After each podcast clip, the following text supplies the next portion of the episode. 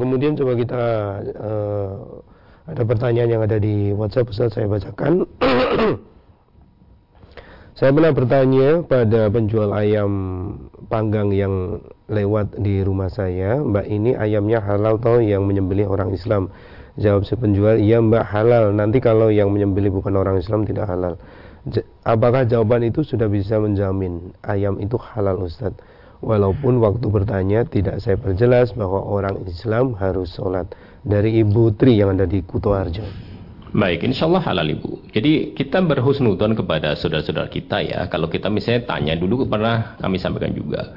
Di zaman sekarang itu kita bertanya Bu, ini untuk yang nyembelih orang Islam Ji, itu sudah terbiasa. Dulu 4-5 tahun yang lalu atau mungkin 7 ya 10 itu kan kita dimarahi seakan-akan nggak percaya kan tentang agama saya kira-kira begitu.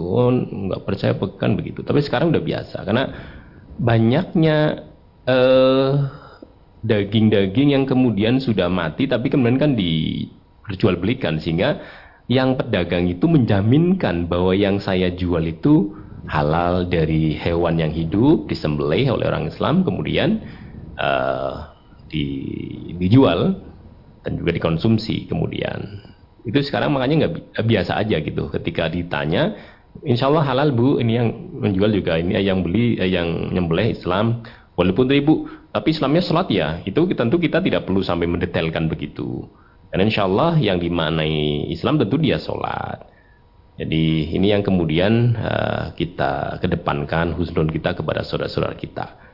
Ya apalagi kemudian oh ini yang anu bu yang yang nyembelih yang ngaji di sana yang ngaji di sini wah, apalagi ini yang nyembelih orang MTA padahal dia nggak tahu kalau kita orang MTA misalnya ya. Sehingga kita lebih yakin lagi.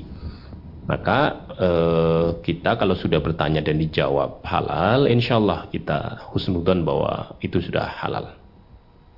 Demikian ibu